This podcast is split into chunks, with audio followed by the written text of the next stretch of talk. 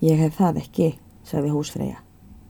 En ég sagði þetta að því mér sínist þau sé nú farin að tíðkast hinn breyðu spjótin. Það eru ekki allir sem álíta það stort ábyrðar mál, þó þeir pretti stúlku ef þeim býður svo við að horfa. Og í annan stað datt mér í hug að svo geti verið fyrir yður eins og sumum öðrum, að þeir ráða ekki alltjent við kringumstæðurnar. Það er satt, sagði Þórarinn. Dauða og líf geta menn ekki ráðið við. Ekki á ég nú svo við, sagði húsfreyja. Dauðin hefur aldrei brugðið nokkur heitorði Karls og konu, en aðrar kringumstæður eru það, sem stundum slíta treyðunum til að mynda róur og bakmælgi óvinna, ráð og fortölur vina og vandamanna. Þórarinn hugsaði sig um litla hríð og segir síðan. Ég þykist nú skilja hvar fyrir beinið að, þó ekki sér talað ljósara. Fyrir haldið að vinir mínir og frændur eða ef til vill tengdamenn muni verða því mótfaldnir að ég eigi sigrunu. En ég verð þá að segja yfir að ekki á ég nokkur þann vin sem ég meti svo mikils að ég fyrir hans sakir bregði trúminni. Frændur á ég fáa sem ég þekki eða hef nokkuð gott upp að unna, nema sýstur mína og veit ég það að hún er heldur físandi en letjandi þessa máls. Telja má ég að sönnu má minn sér að sigvalda með vandamönnum mínum, en ógjörlega veit ég hvort ég á honum mikla velgjörninga að þakka. Hann hefur að vísu komið mér til menta, en ég ætla að þar til hafi hann varið föðurarfi mínum. Það veit ég að vísu að vart mun hann hafa ætlað mér þetta kvónfang, en svo aðeins hef ég þetta upptekið að ég ætla mér ekki hans ráðum til þess að hlýta. Þar mun þá fara sem Guðu vill, saði Þórdís. Ég skal ekki draga yfir lengur á þessu máli og hafi þér fullkomið samþykki okkar til þess að gangað eiga sigrúnu, þegar þér sjáuð yfir geta því við komið. Eða ertu því ekki samþykkur, Sigurður minn? Jú, meir enn og margfaldlega, sagði Sigurður. Það er ekki að draga hann á því og það slík hann mann. Við þetta skildu þau talið og þakkaði þórarinn þeim hjónum með henni mestu blíðu. En síðan ganga þau öll til bæjar og í stofu og er Sigrun þá sótt og spurtu um milja hennar og var það mál auð sótt.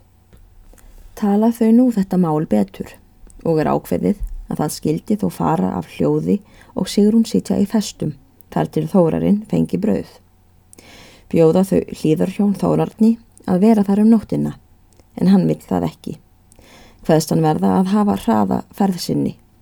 Muni hann verða frjár nættur að kynni hjá sýstur sinni en fara síðan söður og ætli hann þá að hafa náttstað í hlýð er hann reyði um. Reyður nú þórarinn til staðar og er honum þar allvel fagnað. Setur hann þar í góðu yfirlæti og er prestur hinn kátasti og segir honum mörg tíðindi sem gjörst höfðu þær í sveitinni síðan hann fór frá stað.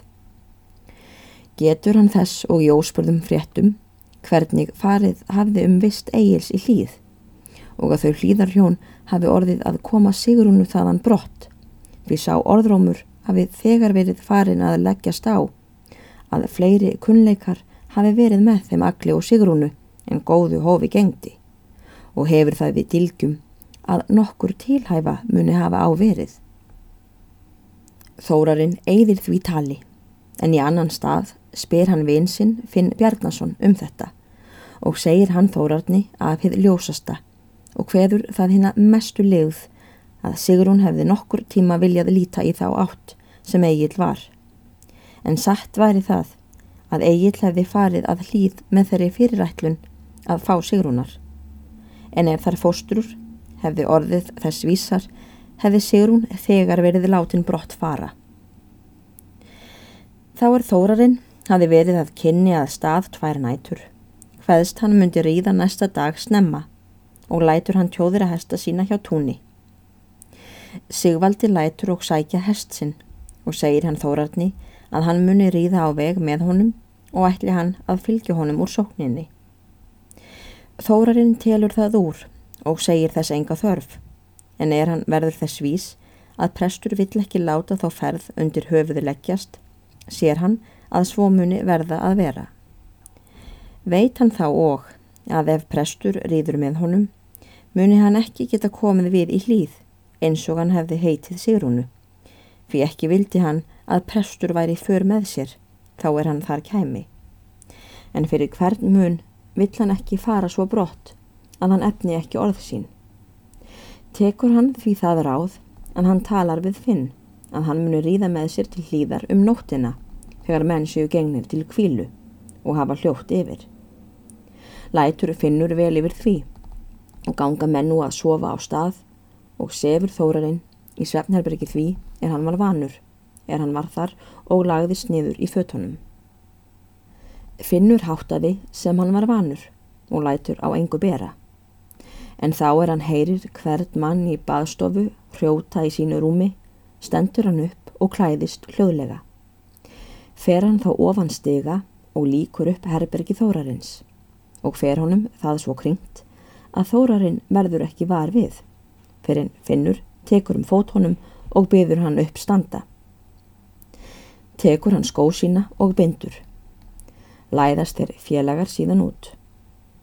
Reyði tíu þórarins voru í hjalli og læstum er stóð þar við bæin. Tekur finnur þau og svo beisli tvö, en sjálfur hyggst hann að ríða berbakt. Niðamirkur var á og mátti ekki sjá handa skil.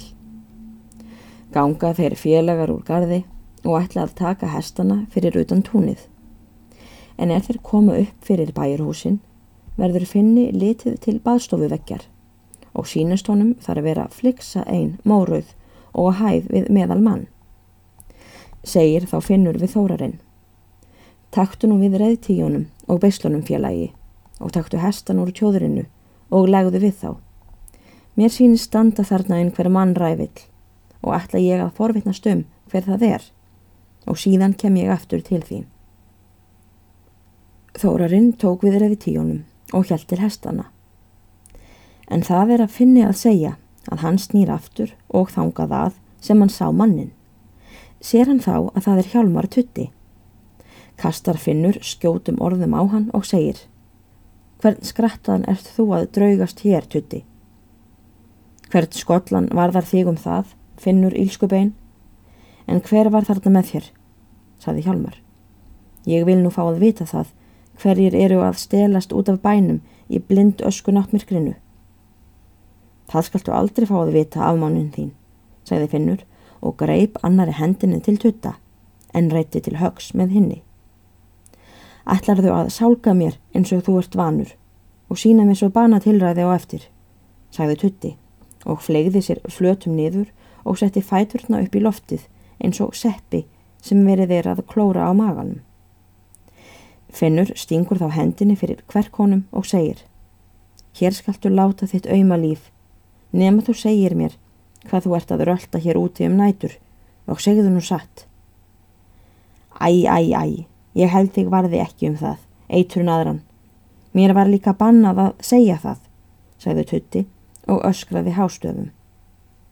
Hef ég ekki sagt þér að þeia óræsið þitt, sagði Finnur og þristi hendinni sínu fastara að hálsi hjálmars. Á, á, þér er þá alvar að að drepa mig. Ég skal heldur segja þér það. Presturinn sagði mér að vaka í nótt og gæta að, hvort nokkur tæki hestana og færi burt af bænum. Og þú ætlar að segja honum það? Já, það gör ég. Þá skal ég gefa þér sögubitan, róið mitt, segir Finnur og rýpur um leið stein einn nefa stóran og keirir upp í munn hjálmari. Steinin var svo stór að hann gekk nauðuglega inn um tangarðin og slær Finnur á hann með hendinni svo hann skreppur inn fyrir tennurnar. En síðan segir hann Hafðu það nú að mínum ráðum greið mitt. Vertu nú ekki lengur að rjáttla hér úti. Ætla verður það þinn bani. En leggstu heldur í bólið þitt og hafðu engan háfaða. Síðan sleppir finnur honum og hleypur til þórarins og hefur honum lagt á hest sinn. Innir hann finn eftir hvort hann hafi orðið manna var. Lítið mark segir Finnur að því að hann hafi hitt mann. En hjálmar tutta fann ég í svip og hef ég gjört svo ráð fyrir að hann segi ekki að ferðum okkar að sinni.